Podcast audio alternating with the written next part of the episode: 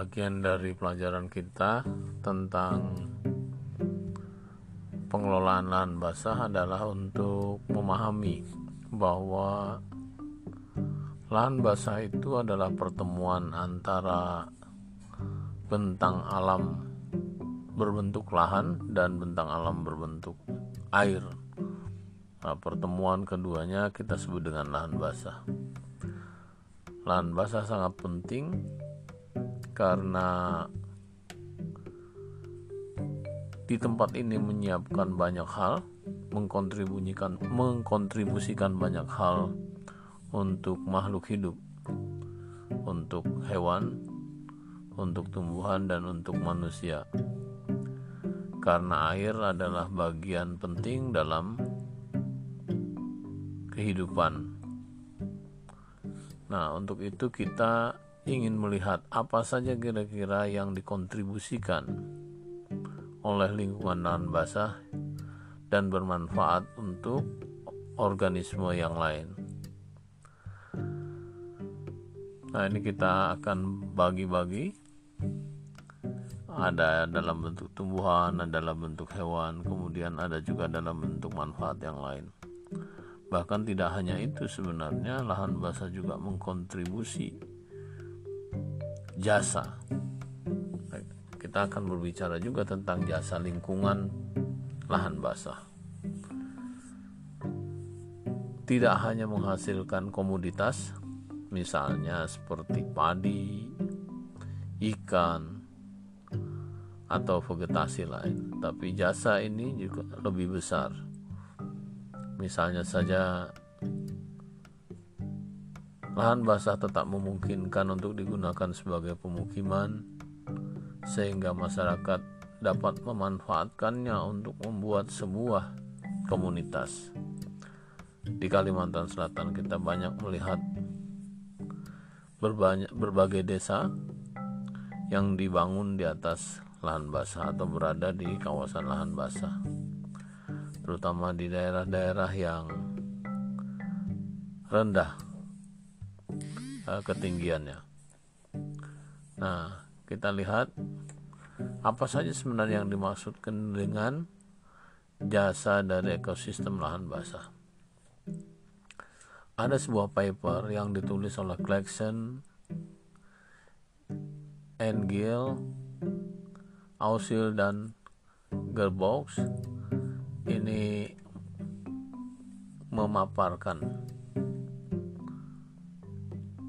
se sebuah contoh tentang lahan basah yang ada di New Zealand sehingga sedikit berbeda tetapi tetap kurang lebih sama dengan di daerah kita.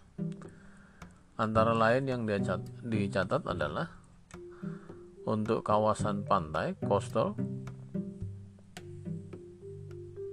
lahan basah juga menyumbangkan wahana bisa digunakan untuk pariwisata kemudian perikanan kemudian naik sedikit di kawasan berhutan woodland ini juga dapat dimanfaatkan dan memberikan kontribusi cukup besar. Kemudian kawasan padang rumput tentunya ini bisa digunakan untuk padang pengembalaan juga demikian lebih naik lagi ke darat ke arah daratan. Hutan. Hutan di sekitar badan air sungai misalnya juga memberikan kontribusi yang besar. Sungai dan danau ini tempatnya kegiatan berbagai kegiatan perikanan budidaya tentunya kemudian tumbuhan tropis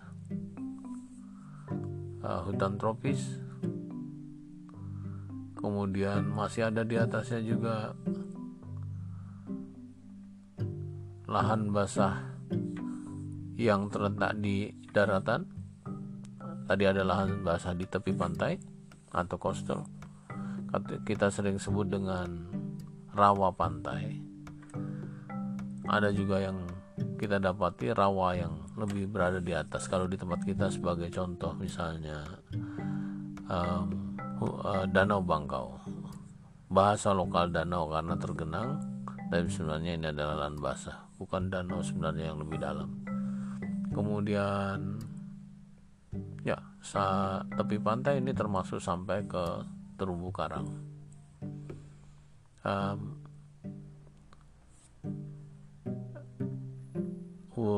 siapa nih tadi namanya ya? Jadi penelitinya ini Clarkson Clarkson dan kawan-kawannya berhasil menghitung berapa nilai moneter. Jadi berapa keuntungan dalam bentuk nilai-nilai moneter yang bisa didapatkan dari masing-masing lokasi di kawasan wetland tersebut. Mereka juga mengidentifikasi misalnya pemanfaatan. Jadi misalnya pemanfaatan untuk menghasilkan makanan. Kemudian untuk sumber daya air, untuk bahan baku, untuk sumber daya genetik, untuk sumber daya obat-obatan, dan untuk sumber daya ornamental. Kalau pernah dengar tanaman hias itu adalah ornamental vegetation yang juga bisa menghasilkan uang. Dalam bidang sosial atau politik, ini dalam bentuk peraturan misalnya pengaturan tentang kualitas udara kemudian pengaturan atau yang terkait dengan iklim kemudian juga beberapa kegiatan yang memanfaatkan lingkungan alam misalnya uh, adventures atau lintas alam dan sebagainya. Kemudian peraturan tentang sungai peraturan tentang prosedur membuang limbah kemudian peraturan tentang bagaimana menghindari erosi ini terkait semua di lahan basah kemudian bagaimana tentang cara pengelolaan kesuburan lahan kesuburan tanah. Kemudian juga pengaturan tentang polinasi. Polinasi ini penyerbukan dalam dunia biologi. Polinasi itu memegang peranan penting. Tidak ada polinasi berarti tidak akan ada buah, tidak ada buah berarti tidak ada biji, tidak ada biji bisa jadi tidak akan terjadi pelestarian atau sustainability. Dan lahan basah juga penting sebagai agent dalam melakukan kontrol biologis. Jadi karena di lahan basah juga terdapat uh, berbagai organisme Kadang-kadang kita tidak perlu menggunakan insektisida untuk membunuh organisme yang lain, tapi menggunakan musuhnya saja untuk mengendalikan populasi suatu organisme yang membahayakan vegetasi yang lain, misalnya seperti padi. Kemudian layanan sebagai tempat tinggal, habitat, nah itu banyak sekali mulai dari organisme yang kecil sampai kepada manusia. Kemudian lagi lahan basah penting sekali untuk meneruskan menjaga kelangsungan berbagai pengelolaan. Kemudian juga penting sebagai pelindung atau istilahnya protection Gene Pool Protection ini tempat berkumpulnya uh, sumber had, sumber daya hayati pada tingkat genetik. Jangan lupa juga bahwa lahan basah ber, berperan sekali dalam melestarikan budaya. Kalau di Kalimantan Selatan misalnya kita bisa menemukan bagaimana cara menanam padi atau menanam jeruk misalnya di atas tukungan tanah yang dibuat gundukan di kelilingi oleh rawa sehingga bisa ditanami tanaman-tanaman yang yang berasal dari daratan bahkan sekarang beberapa di beberapa tempat sawit kebun sawit bisa ditanam di kawasan rawa dengan cara mengatur ketinggian airnya. lahan basah juga berperan dalam mengatur kehidupan sosial dalam dalam konteks estetik misalnya pemanfaatan sungai untuk rekreasi untuk keindahan keindahan lingkungan. Kemudian juga berperan memberikan inspirasi dalam dunia seni dunia desain rancangan dan bahkan budaya.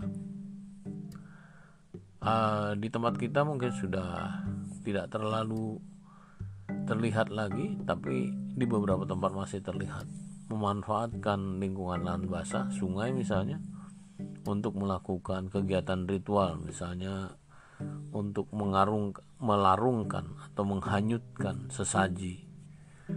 Uh, dan tidak kalah pentingnya adalah karena ini bagian dari alam ini juga berperan dalam memberikan informasi kognitif tentang bagaimana manusia bisa survive, bagaimana tumbuh-tumbuhan bisa bertahan, dan banyak lagi yang bisa didapatkan. Nah, semua ini adalah jasa lingkungan. Manakala kita manusia memanfaatkan jasa lingkungan, hewan memanfaatkan juga, ada kalanya pada suatu titik, atau mungkin juga ditambah dengan bencana alam, sekali waktu jasa lingkungan ini akan hilang atau berkurang oleh sebab itu, harus ada upaya-upaya lain yang harus dilakukan, baik itu secara spontanitas ataupun secara periodik, untuk memperbaiki, mengembalikan uh, jasa lingkungan yang hilang. Nah, upaya-upaya ini yang kita sebut dengan imbal jasa lingkungan. Misalnya, kita melakukan kegiatan restorasi memperbaiki kembali. Contoh mungkin yang harus kita perhatikan misalnya saja seperti pemindahan gunung-gunung di daerah Cempaka dekat kota Banjarbaru ini sehingga gunung-gunungnya hilang kemudian dia dibuat pemukiman yang padat sehingga salah satu fungsi gunung itu ada yang ada yang hilang mereka adalah untuk men menjadi penghambat angin. Windbreaker, pemecah angin, dan juga sebagai penghalang laju aliran air saat hujan. Sehingga jika hujan mestinya Banjarbaru tidak perlu menahan airnya sehingga tampak menjadi banjir walaupun ini hanya beberapa saat. Nah, ini mungkin perlu direstorasi. Kita harus membicarakan bagaimana teknologi restorasi yang paling tepat. Apakah dihijaukan kembali apakah dibuat uh, ruang terbuka hijau yang ditanami dengan berbagai macam vegetasi dan sebagainya dan sebagainya. Masih banyak lagi. Nah upaya-upaya ini yang kita sebut dengan imbal jasa lingkungan imbal jasa lingkungan yang harus kita kembalikan untuk keperluan sustainability Nah, keduanya baik itu jasa lingkungan maupun imbal jasa lingkungan harusnya kita lakukan secara seimbang.